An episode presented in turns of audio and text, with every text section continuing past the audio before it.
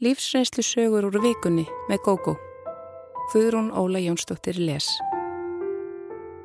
Lífsreynslu sögur vikunar eru í bóði Kids Clean It's Relief en Kids Clean er kælandi fróða sem dregur samstundis úr kláða og mingar óþægind í húð.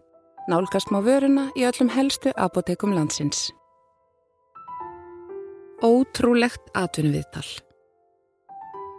Ég er mentaður grafiskur hönnuður og þegar haft var samband við mig vegna mögulegs verkefnis á því sviði fór ég spennt í atvinnuviðtal sem snerist síðan upp í eitthvað sem ég átti alls ekki von á.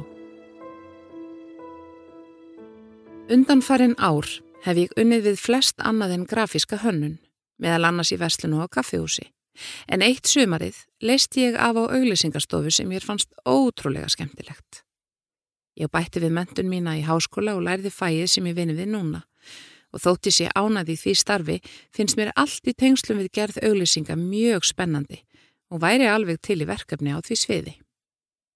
Vinkona mín er áhuga ljósmyndari og mjög góður myndasmiður. Í fyrra sömur tók hún skemmtilegar myndir af okkur vinkonunum þegar við vorum að gæsa eina úr hópnum. Ég leg mér með nokkrar myndana og fótosjöpaði þær. Ég var sérstaklega ánað með eina sem síndi okkur vinkonurnar í förðulegum og bráðfindnum aðstæðum og sett hann á Facebook með texta við hæfi. Vinir mínir orguðu og hlátri við myndinni sem líkti skamaldags auglýsingu. Um það byl viku setna fekk ég uppringingu frá fyrirtæki sem tengist auglýsingabransanum. Maðurinn sem ringdi í mig sagðist að var séð myndina af okkur á Facebook veg sameilegs vinar sem deildinni og vildi fá mig í viðtal vegna auglýsingaherrferðar sem ætti að fara að gera. Ég var meira en til í það og daginn eftir óg ég sem leið lág til fyrirtækisins og vonaði heitt að ég fengi verkefnið. Mér var farið að dreyma stóra drauma og ég var jafnvel að hugsa um að söðla um að vel gengi með auglýsingaherfirðina. Ef ég fengi tjópið. Maðurinn hafði verið döllarfuttur í símanum og í raun bara sagt mér að hann vildi fá mig í viðtal vegna herrferðarinnar, annað ekki. Mér var vísað inn á skrifstofu þegar ég mætti á staðinn. Tveir menn voru þar og heilsuðu mér með handabandi. Þeir virtu mig mjög vel fyrir sér. Óvenju vel fannst mér, en voru alúlegir sem róaði mig niður. Ég hafði meðferði smöppu með verkum mínum sem síndu mun betur getu mína en þessi grínmynd á Facebook gerði, en sem betur fyrr beði ég með að sínaði manna. Mennirni spurðu mig við hvað ég starfaði og þegar ég svaraði því bætti ég við að ég hefði unnið á auglýsingarstofu um tíma. Þeir virtust undarlega lítið spenntir fyrir því og spurðu kvorki hvaða auglýsingastofu nýja hver verkefni mín hefði verið þar. Næsta spurning frá þeim kom mér á óvart en þá spurði annar mannana hvort ég hefði einhver tíma unni sem fyrirsæta. Ég horfið hissa á hann, hváði og saði að það hefði ég ekki prófað en það hefði ég lítið áhuga á slíku. Mér fannst þetta undarleg spurning og frekar óviðegandi. Ég átti eftir að verða enn meira undrandi eftir því sem áleið þetta atvinnviðtal. Loks fóru þeir að segja mér frá auglýsingaherferðinni sem var fyrir stort fyrirtæki í Reykjavík. Svo sagði annar þeirra, við erum með lítið stúdjó hérna við hliðina, ert ekki til ég að prófa? Okkur vantar unga konu sem gengur inn í herbergi, lítur síðan við og setur upp undrunarsvip.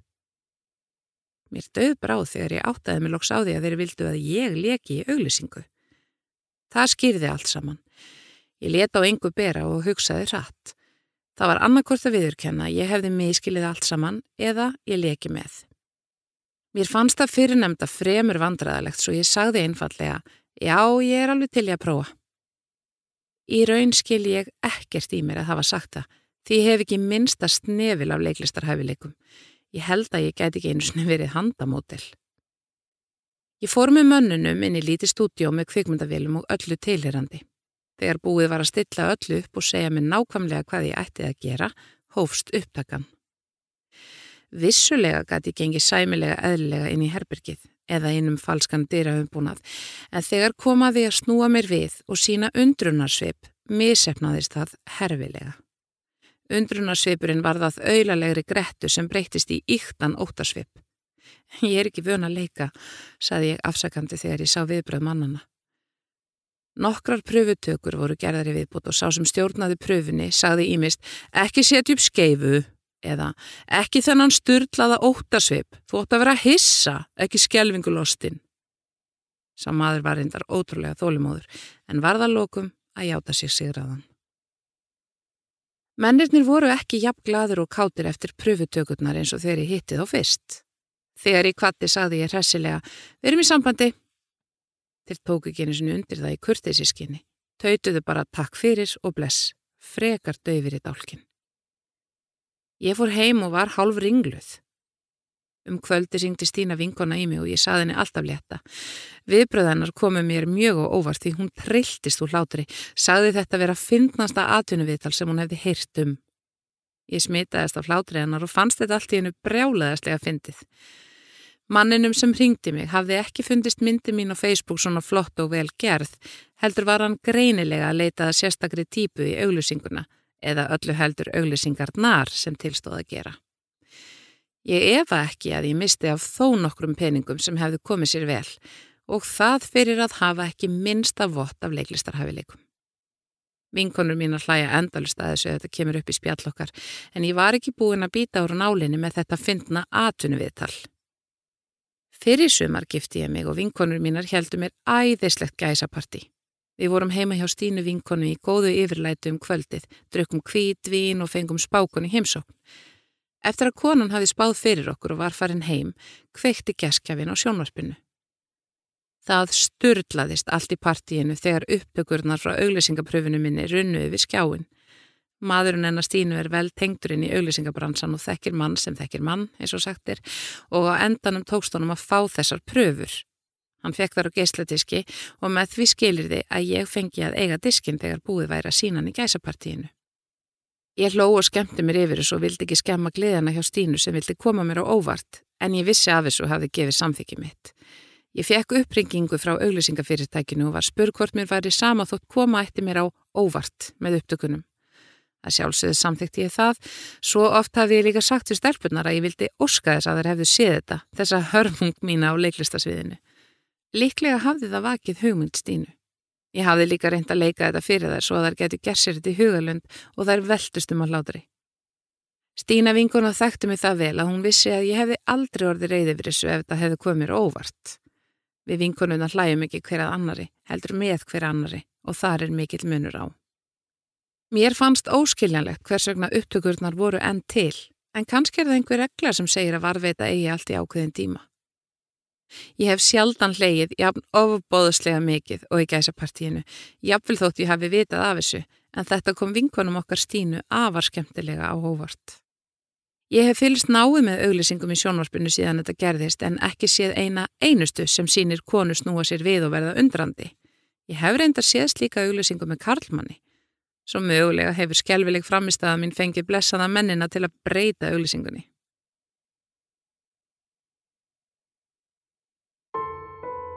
Sundruð fjölskylda Ég var kornung þegar ég áttaði mig fyrst á því að heimilislífi mitt var ekki eðlilegt. Svo mikil illgirtni og grymt var í gangi að afleiðingar þess hafa eld mig í áratugi og svift mig því að eiga stór fjölskyldu.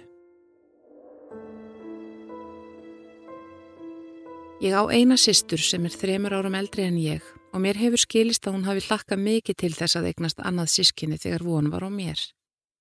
Þegar ég síðan kom í heiminn breytist tillökun hennar í algjört hatur á litla barninu sem stál mömmu frá henni. Frá því fyrsta fekk ég að finna fyrir því. Báðir foreldrar mínir eru einbyrtni en hvort það er vegna þess sem þeir kunnu ekki eða reyndu ekki að stilla til friðar á milli okkar sístra þegar við fórum að vaksa úr grasi, veit ég ekki. Bæði pappi og mamma áttuðu sig aldrei á því hvað þau fengu í raun mikið upp í hendurnar á sínum tíma Fóreldrar pappa stuttu hann til dæmis til náms en slíkt hefði mömmu og pappa ekki dóttið í huga að gera fyrir okkur sísturnar því þau sögðu að mín kynsluð fengi öll tækifærin sem þeim hefði ekki staðið til bóða. Pappi var einn af þessum köldu hörðumönnum sem var avarduglegur í sínu starfi og let tilfinningarnar ekki flækjast fyrir sér. Hann hefur mikst aðeins með árunum en er alltaf jafn blokaður. Mamma átti við sín vandamál að stríða og með árunum komu sífelt fleiri skapgerðar brestir fram hjá henni. Hún var og er mjög sjálfkverf og allt þarf að snúast um hana. Mamma var mjög ströng við okkur sýsturnar og flengdi okkur fyrir minnstu yfirsjónis. Ef ég borðaði ekki matinn minn var ég sendið rúmið í refsingarskinni. Ég man varla eftir mér án þess að vera með stöðugan kvíða og fekk mjög oft magaverki sem gerði mig listarlausa svo að úrvarð erfiður vítarhingur. pappi var lítið heima. Hann vann mikið og var oft út á landi við vinnu sína. Hann var því nánast aldrei til staðar til að skipta sér af því hvernig mamma kemur fram við okkur sýsturnar. Það er ekki víst að hann hefði skipt sér af uppbyldinu. Það var ekki til síðst á þessum tíma að Karlar gerðu það. Þeir áttu að vinna og sjá fyrir fjölskyldunni. Návistans hefði þó mögulega geta breytt einhverju. Hatrið sem sýstri mín bar til mín mingaði ekkert. Hún var fjandsamleg við mig og alltaf reið. Ég held að hún hafi ekki enn fyrirgefið mér fyrir að hafa fæðist. Mamma gæti ekki tengt okkur saman. Það var frekar að hún reyndi því gagstæða og gerði okkur að keppinautum. Henni var lífsins ómögulegt að kenna okkur þá félagsferðni sem öll börn þurfa að læra. Hún var ekki típan sem límdi saman fjölskylduna og batt kærleiksböndum. Hún var meira fyrir að sundra. Ég skildi síðar hvers vegna hún gæti aldrei átt fær vinkonur í einu, bara eina, og þurfti alltaf að vera upp á kant við allt og alla. Henni virtist líða best þegar allt var í uppnámi. Hún kunni ekkert í mannlegum samskiptum og við sýsturnar vorum til skiptis í uppóhaldi hjá henni. Hún talaði þá mjög illa um þá okkar sem var í ónáð við heina og það sundraði okkur sýstrunum enn frekar. Mamma var líka algjörlega ófærum að taka á vandamálum. Um tíma varði ég fyrir ljótu einelti í skólanum mínum af hendi kennara, en hún gæti ekkert gert. Með árunum versnaði mamma frekar en hitt. Hún tók fíluköst og allt stjórnaðist af því hvernig skapina sveiflaðist. Einu sinni sem oftar vorum við sýsturnar að vaska upp saman. Ég var líklega tíu ára og sýsti mín þrettón. Það brotnaði diskur og sýstir mér reyndi að kenna mér um það en mamma sá að hún hafði mistan. Hún reyfi hárið á henni og flegðin út á svalir þar sem sýstir mín mátti dúsa úti í kuldanum í tvo klukkutíma. Hún var svo hrætt við mömmu að hún létt ekkert á sér bæra. Hún kvefaði stilla og lág í rúminu í nokkra daga á eftir. Samt var sýstir mín í ögn meira uppóhaldi en ég því hún var alltaf tilbúin að tala illa um mig við mömmu. Ég fann oft fyrir því þegar ég kannski komin í eldus og þær þögnuðu og horðu fjandsamlega á mig. Ég var snemma næma og eitrað andrumsloft, líkt og algabörn eru. Það kom ósjaldan fyrir að mamma lokaði sig inn í herbyrgi dögum saman og neytaði að tala við okkur. Oftar en einu sinni gerðist slíkt yfir jólinn og hún neytaði að koma fram og borða með okkur jólamatinn. Þetta var fínasta stjórntæki því við lætumstum á tánum til að steikja hann ekki. Þegar pappi var ekki heima lit hún reyði sína út í hann, bitna á okkur sýstrunum. Pappi var algjörlega vanhæfur til að taka á málunum og svo fór að þau mamma skildu. Þá var sýsti mín 22 og flutta heiman en ég 19 ára. Ástandi lagaði slítið. Mamma fekk pappa á heilan og reyndi mikið að njóstnaði manni um gegnum okkur sýstur. Hún vildi líka að við tækjum algjöra afstöðu með henni gegn pappa en það hafði reyndar þver öfug áhrif. Ég reyndi mitt allra besta til að vera góð við mömmu eftir að pappi fór, en hún kunni ekki að meta það. Hún tók ástæðulegs æðisköst og ég þurfti nokkrum sinnum að læsa mig inn í herbyrginu mínu til að komast undan bræði hennars.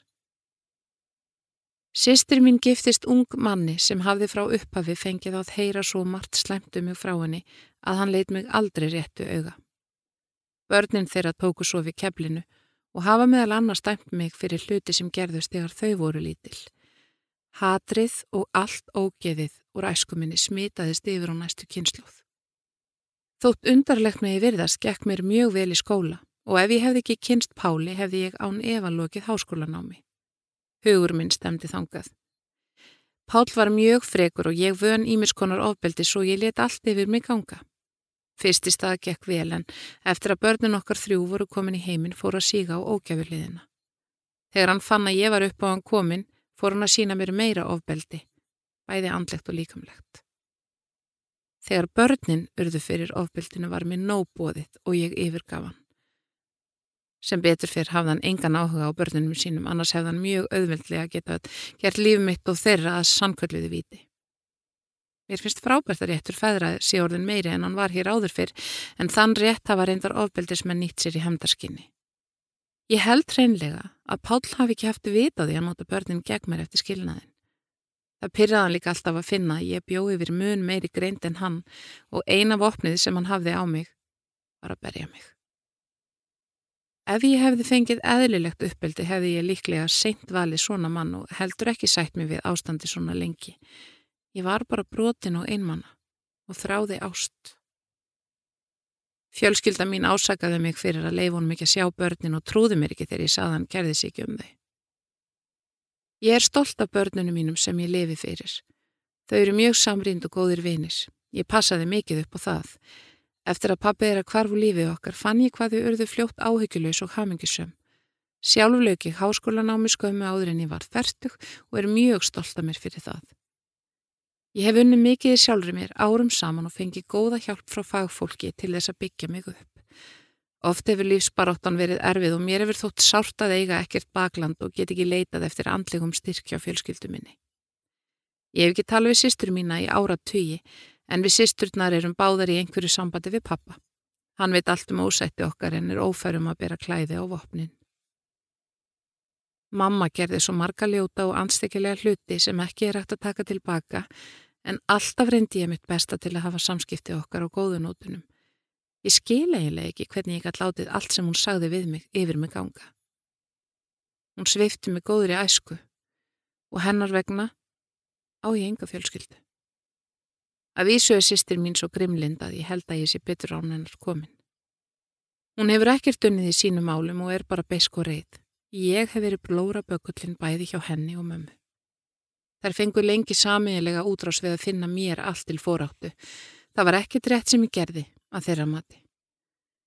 Mér dætt aldrei í huga að segja sýstur minni hver illa mamma talaði alltaf um hana í mín eiru en á meðan við sýsturnar vorum í sambandi hika hún ekki við að segja mér hvað mömmu fyndist um mig.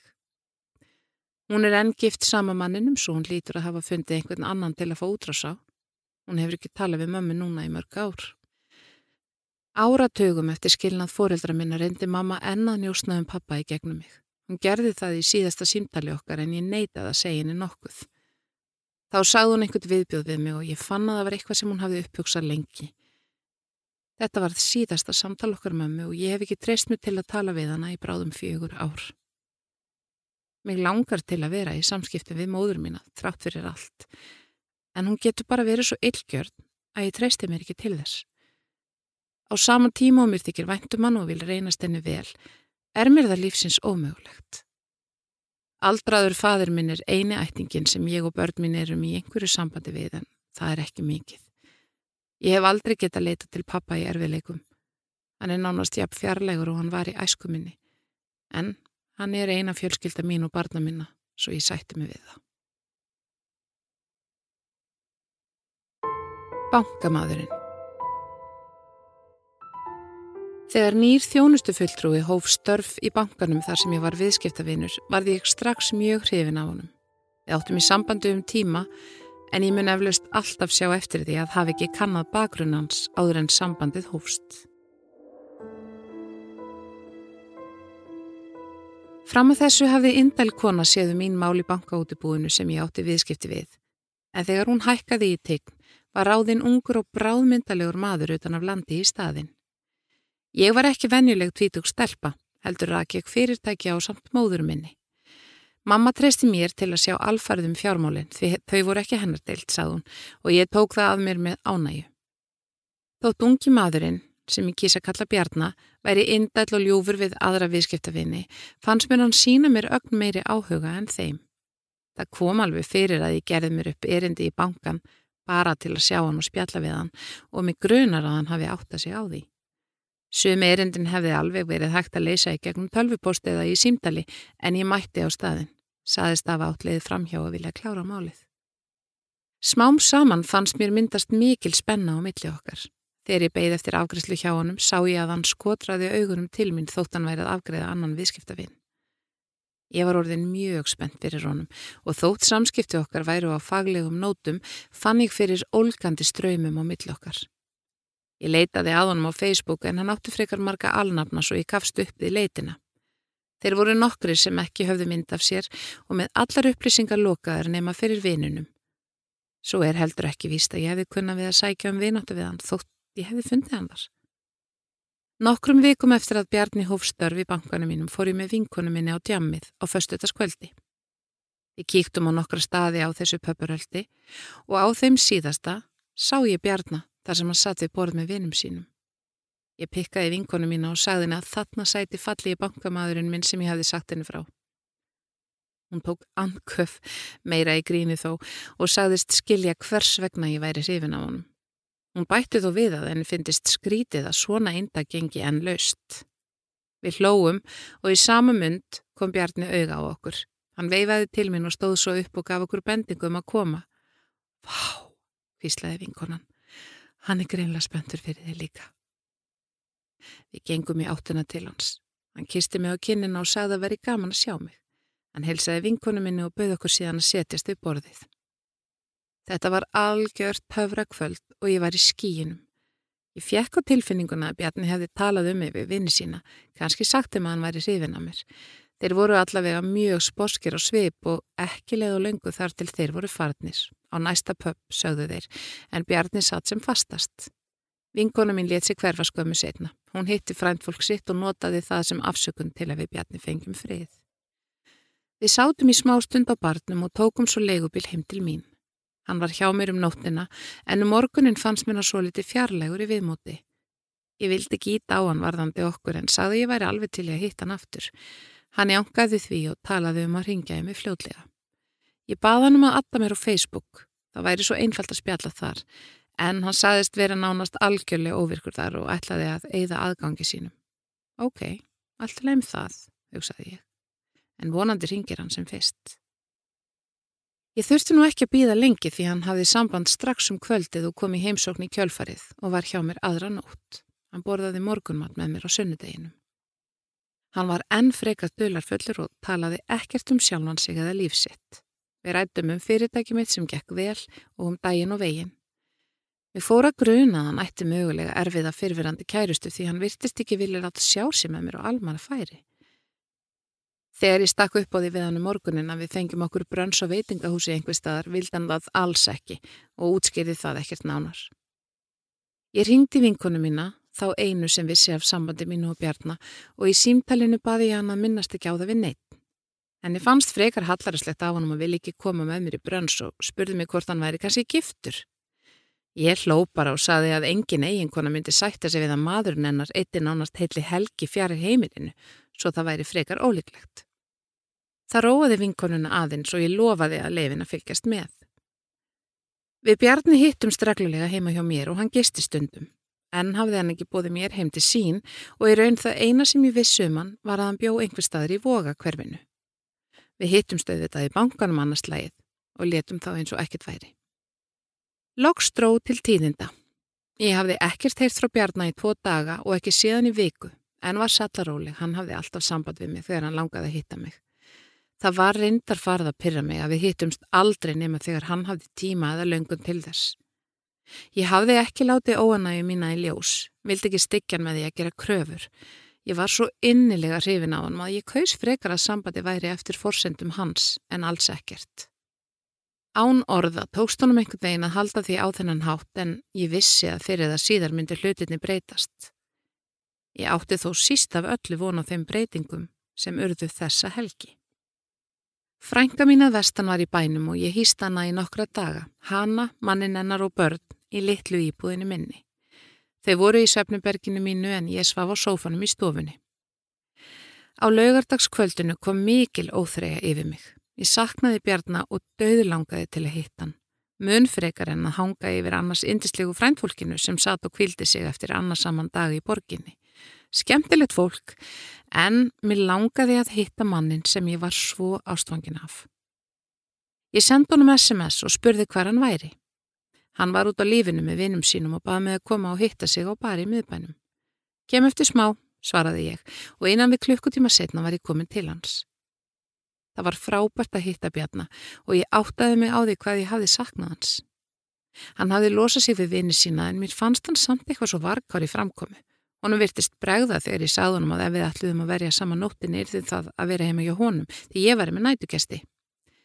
Hann hugsaði sig um í smástund og saði svo, allt er leið.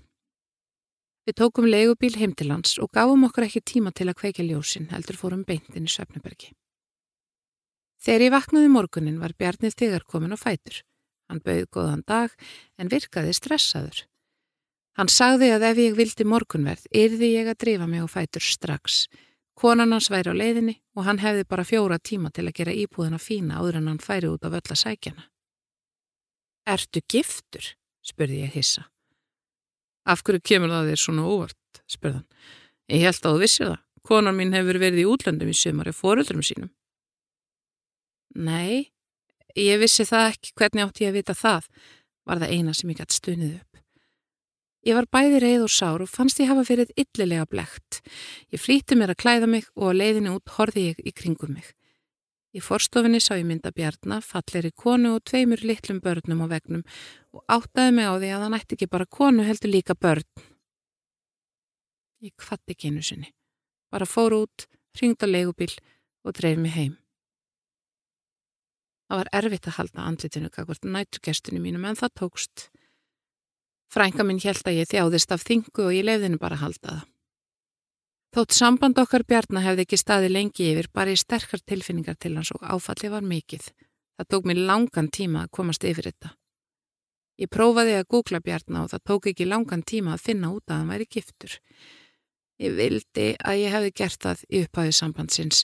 Þá hefði ég að minnstakosti haft valum hvort ég vildi vera með giftu manni sem hefði reyndar ekki komið til greina. Fyrst ætlaði ég að hætta öllum viðskiptum við bankan, en svo ákvað ég að gera bjarnaða ekki til geðs. Létt mér næja að skipta um þjónustu fulltrúa. Lengi vel eftir að ég kom í bankan fann ég augu bjarnar kvíla á mér, en hann var dauður fyrir mér. Hann sendi mér nokkur um sinnum SMS-in í eittiðum jafnóðum. Hálfu ári eftir að ég sleit öllu sambandi við bjarnar sá ég hann með fjölskyldunni niður í miðbæ. Hann virtist vera ástrykur fjölskyldufadir og mjög hrifin af konu sinni Ég hef ekki hugmyndum hvort samband er að vera í læg þegar við vorum saman eða hvort hann er bara svona svikull. Ég giska á það síðan um það.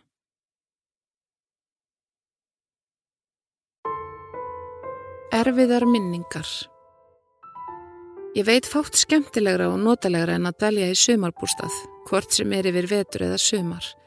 Maðurinn minn deilir ekki þeirri hrifningu með mér og þegar mér tókst að draga hann með var hann eirðarlaus og vildi helst fara sem fyrst heim aftur.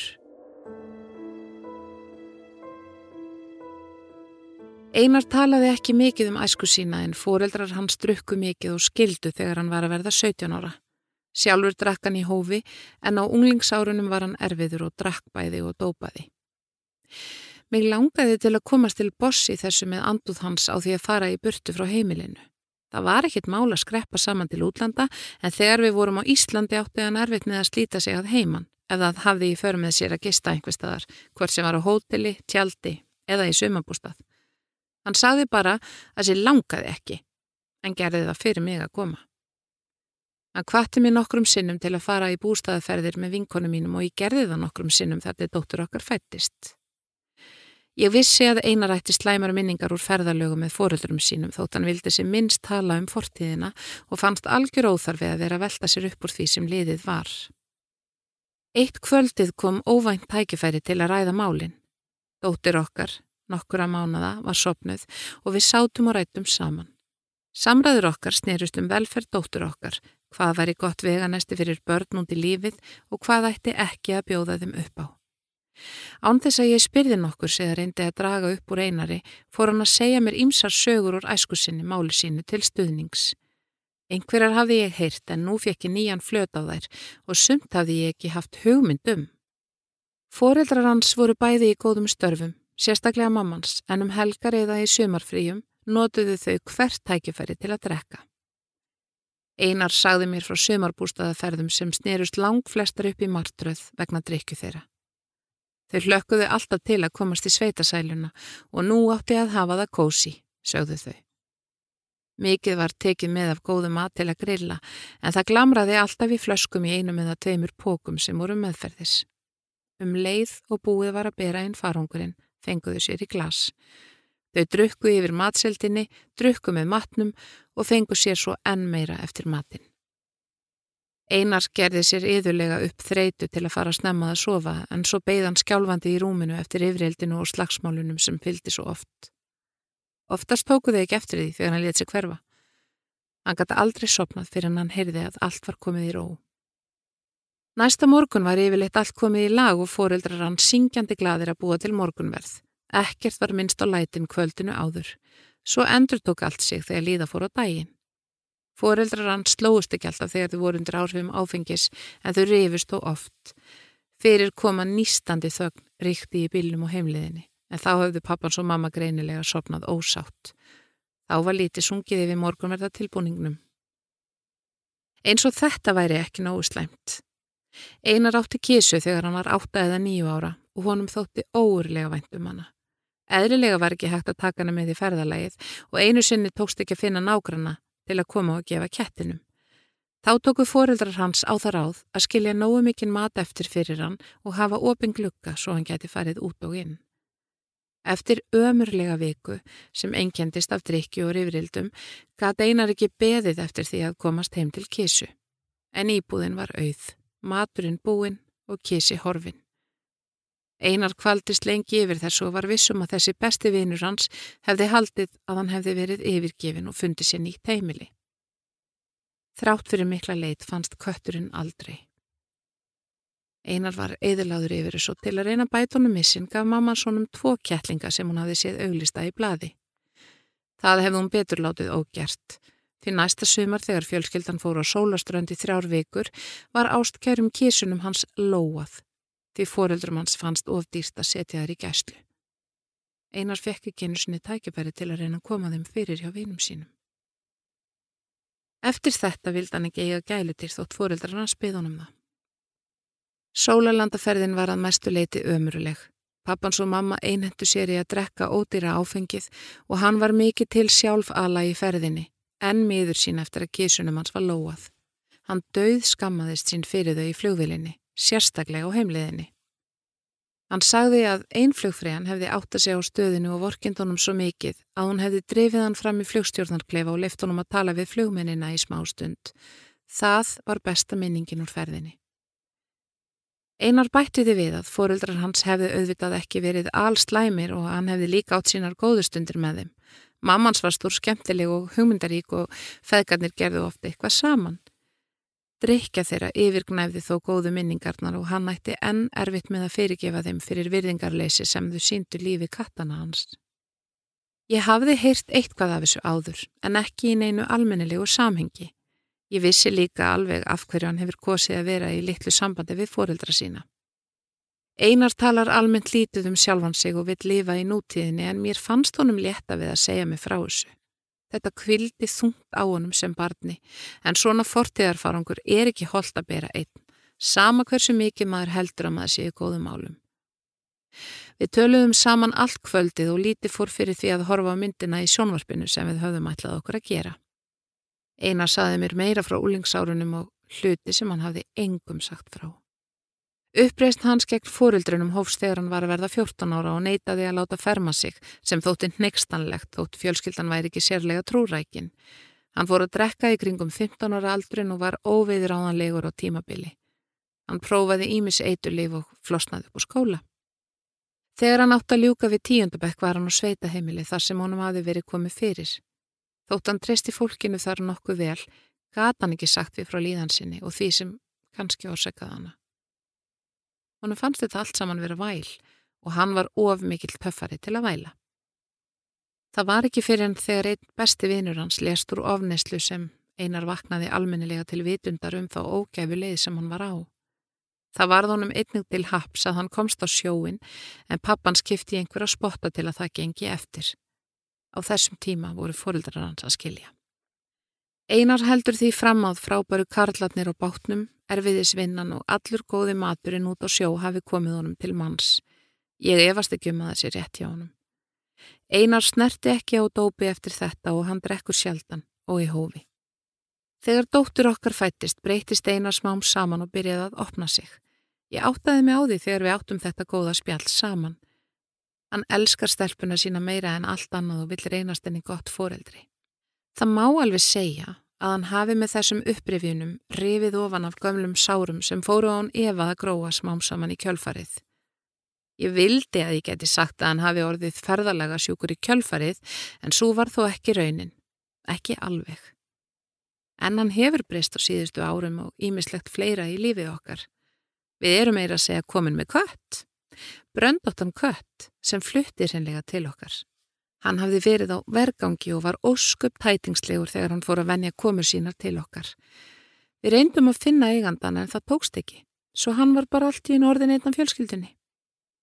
Ég hef aldrei verið mikið fyrir ketti, en brandur okkar er einstakur og hefur töfrað alla upp úr skónum, líka fórildra mína sem voru ekkert fyrir ketti. Pappi og mamma hafa verið einstaklega elskað dóttur okkar einas, eina barnabarninu og við hefum aldrei vandraði með pössun ef við förum eitthvað út. Þau koma ímist heim til okkar eða taka stelpuna til sín. Þegar við einar áttum brúkursamali nú í sömar sagði ég honum að mér langaði til að gera eitthvað sérstaklega skemmtilegt í tilipni þess og hann sagði að ég mætti ráða hvaða yrði. Ég fekk foreldra mína til að koma heim og passa dótturinn á köttin yfir helgi, fylgti skottið að vistum og sótti einar í vinnuna sítiðis og förstu degi. Ég óg sem leið lág að sömarbústað sem ég hafði tekið á leigu og tilkynnti einari að nú hæfist nýr kabli í ferðalaga lífi hans. Hann gretti sig hann hló og fór að hjálpa mér að byrja matin og annaðinn í bústaðin. Það var eins og hann hefði ákveðið að fleia öllum gömlum og slæmu minningum út í veður og vind og gera gott úr öllu saman. Helgin var stórkostleg og mjög romantísk. Við elduðum góðan mat, fórum í gönguferðir og töluðum mikið saman. Þetta var það sem við þurftum eftir að hafa verið meira og minna bundinni við litlu barni og þarna tókst einari að fá nýjar og betri minningar inn í ferðaminningabankan sinn eins og ég saði við hann í gríni. Það var gaman að koma heima aftur og ég fann alveg að einari létti svo litið þótt helgin hafi verið í meira lagi indristleg. Í framtíðinu mun ég ekki neyða einar til að ferðast með mér. Við vitum bæði hvað útskýrði anduð hans á svona ferðum og það tekur á nefa tíma að komast yfir það. Mögulega ferðust við minna en mig langar í framtíðinu og meira en hann langar og það er bara allt í lægi.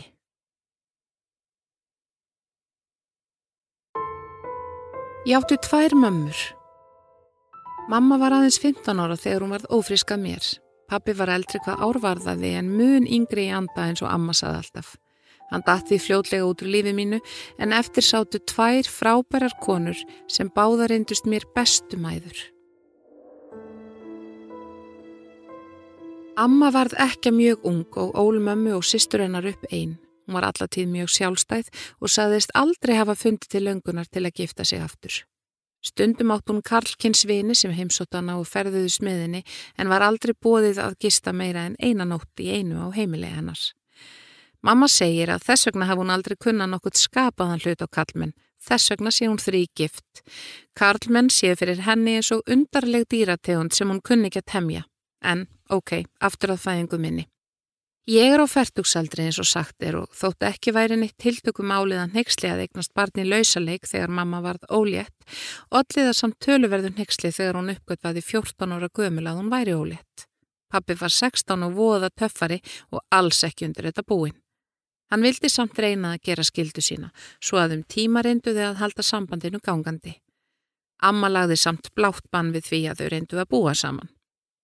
Mamma var nýjórðin 15 þegar ég fættist og við byggum heima hjá ömmu fyrstu æfi ár mín. Amma og mamma hugsuðu um mig jamt og þar segja að ég hafi kallað þær báðar mömmu. Ég var vist orðin 12 ára þegar ég lærði að gera greinarmun á mömmu og ömmu. Sjálf man ég eftir að þetta hafi nokkuð tíma verið mál en þegar mamma stopnaði eigið heimili var það í leigu íbúð, tveimur húsum frá ömmu, svo ég gerði ekki greinarmun á heimilunum. En mamma eldaði eitthvað sem ég fannst vonduröldi ég bara til ömmu og borðaði þar. Amma sagði að ég hefði haft alveg sérstakar ratar á hvenar hún eldaði fiskibólur og pilsur en það var uppáhaldsmaturinn minn. Í hvert sinn sem hún skellti í fiskibólur byrtist ég óbóðinn og ánþess að það var frett hvað væri matin. Þegar ég var átt ára gömul kynntist mamma manni og þau fóru að búa saman. Hann var ágættur og ég kunni alls ekkit illa við hann. Um svipa leiti kom pappi tímabundið inn í lífið mitt aftur. Hann var þó kvæntur og nýju konunni fannst að hann ætti að sinna barninu sínu. Ég fór nokkrum sinnum til þeir um helgar en þetta var vandraðalegt og mér leið aldrei vel. Þau voru mjög góð við mig, það vandaði ekki en ég fann enga þörf fyrir þannan pappa sem ég þekkt ekki neitt, svo þessi umgengni fjall eiginlega um sjálfa sig. Á þessum árum ríkti kreppa á Íslandi. Það hafði svo smikið orðið hrun en einhverja síður átti margir erfitt. Stjúpi minn misti vinnuna og honum gekk illa að fá eitthvað að gera. Þegar vinur hans bauð honum að koma til Noregs og vinna í fyrirtæki sem hann rak þar, urðu bæði hann og mamma mjög spennt en ég þverja neytaði að fara. Ég sagðist ekki geta farið frá mömmu og áttu auðvita við ömmu. Ég veit ekki hvernig fullorna fólki listi málið en úrvarð að amma flytti með okkur út og bjóði næsta húsi við okkur þessi fjögur ár sem þetta fyrsta hjónaband mömmu varði. Í þetta sinn skildi mamma í mestu vinnsemd og við kjallurnar þrjárfluttum heim til Íslands og afturinn á æsku heimili mitt eða í íbúðan hennar ömmu sem hafi verið í útlegu. Amma hafði haft ágættar tekjur úti og sapnaði svo litin varasjóð. Hún ákvað því að láta langþráðan draumrætast og fara aftur í nám. Þetta þýtti að hún var oft heima á daginn og við kynntumst á alveg nýjan hátt. Hún hjálpaði mér að læra og stundum gæti leiðbundinni við upplýsingaöflun á netinu. Tveimur árum eftir að við komum heim kynntist mamma manni og varð yfir sig ástfangin. En að þessu sinni gekk ekki eins vel og í fyrraskiptið. Nýji stjúpin minn var talsvert eldri en mamma, mjög fastheldin og vanafastur. Hann þóldi illa úlingastælana í mér og líkt og viðkvæmra úlinga er síður, gat ég ekki þólað neina gaggrinni frá honum. Tókstreitan milli okkar jógst mjög hratt og ég fór fljótlega að gera í því að fara í tögðar á honum. Ef hann setti út á klæðabörð minn, gekk ég enn lengra í því sem hann hafi sett út á. Fór í flegna bóli, stutt pils og um tíma gekk ég í svörtum leðurjakka með málmbólum og málaði svarta ringi í kringum augun af því að það fór óskaplega í töðunar á honum. Mamma reyndi að ganga á milli okkar og skapa frið og vinóttu inn á heimilinu. Það var eiginlega vonlaus viðlitni frá upphafi og jók eiginlega á spennuna frekar en hitt því okkur fannst báðum mamma draga taum hins og að hlutleysi hennar væri ekki afstöðuleysi heldur drægi hún taum óvinnarins í mínu tilfelli hans og svo öfugt. Þetta gæti ekki andan um á eitt veg. Og fljótlega var ástandið orðið það slæmt að við gátum ekki sest niður og borðað máltið saman án þess að það endaði í rifrildi. Eftir mjög heiftarlega orðasenna millir mín og stjúpa míns, þar sem hann gekk mjög langt og kallaði mig ljótu nafni, gekk ég inn í herbergi, pakkaði ofan í tösku og flutti til ömmu. Næstu þrjú árin bjó ég með þessari aðdánarverðu konu sem sannarlega var besta fyrirmynd sem nokkur unglingur gatt fengið. Amma blómstræði á þessum árum var full af eldmóði og áhuga á fæinu sem hún var að læra í háskólanum og bauðst strax eftir útskrift gott starf sem hún nöyð sín mjög vel í. Okkur kom óskaplega vel saman og mamma kom oft í heimsókn og dvaldi oft lengi. Ég held að hún hafi líka leitað skjólsundan stjórnsemi og kúun þáverandi eiginmanns. Það ríkti nefnilega mikil gleði heima hjá ömmu á þessum tíma. Samstarfskonur hennar og fyrir um skólafélagar komiðar oft saman og rættu um fæið, stjórnmál, bókmyndir og fleira. Þetta var bæði skemmtilegt og þroskandi. Ég held að mamma hafi smitast af kraftinum í ömmu. Að minnstakosti fann hún kjark til að skilja við frekjutallin og ég veit í dag að það var ekki auðvilt ákverðun. Mömmu fannst hún þegar þetta var óskaplega mísefnuð. Hún hafði vakið almennan heikslun sem úlingur og margið verið undrandi á þeirri ákverðun hennar að eiga mig og svo bættist þið hjónaband sem endaði í skilnaði. Amma sagði aldrei neitt en ég veit að henni líkaði ekki við setni mann mömmu og var fegin þegar hún skildi. Við tók dásamlegur tími.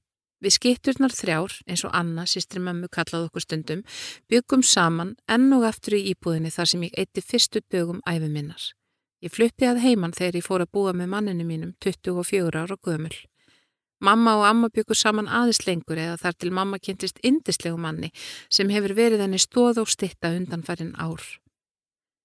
Amma mín dó fyrir rúmi ári síðan og við mamma höfum báðar verið eins og vangbrotnir fugglar síðan.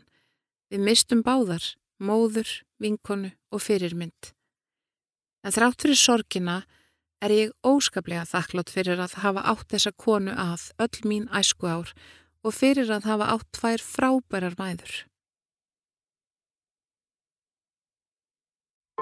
Þú varst að hlusta á lífsreynslusögur úr vikunni með GóGó í lestri Guðrúnar Óli Jónsdóttur og framleiðslu Storysight árið 2020. Höfundaréttur Vikan.